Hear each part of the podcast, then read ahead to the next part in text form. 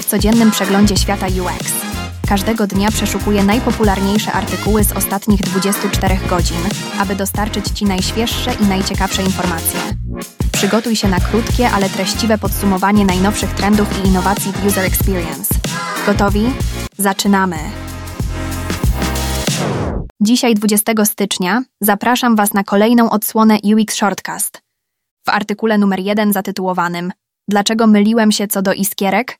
Dalej Wilhelm wraca do swojej wcześniejszej postawy wobec stosowania emoji z iskierkami w interfejsach użytkownika związanych z AI. Początkowo będąc sceptycznym, Wilhelm krytykował niejednoznaczny symbolizm iskierek, które nie posiadały wyraźnego znaczenia takiego jak ikony zegarów czy kalendarzy. Jednak z czasem iskierki stały się synonimem AI, symbolizując jego nowość i pozornie magiczne możliwości. Firmy takie jak Google ze swoim AI Bart przyjęły ikony z iskierkami, odzwierciedlając czarującą i innowacyjną naturę AI. Wilhelm, pisarz UX, uznaje tę zmianę i bada, dlaczego iskierka została przyjęta jako oficjalny emblemat technologii AI. W artykule numer 2 zatytułowanym Dlaczego sterowanie głosowe jest wadliwym jako główny sposób wejścia interfejsu? Autor Chris Ashby omawia rosnący trend polegający na stosowaniu głosu jako głównego sposobu interakcji z inteligentnymi urządzeniami.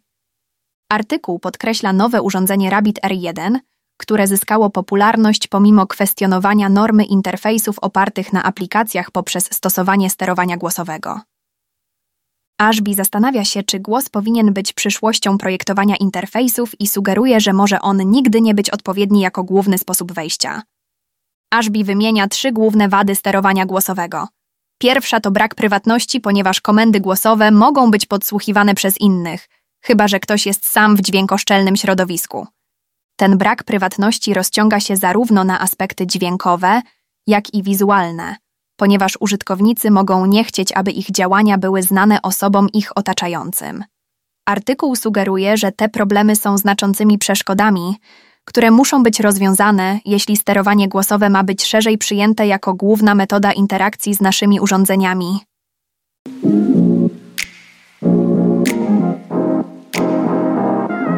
Dziękuję za wysłuchanie i zapraszam na kolejną dawkę wiedzy już jutro.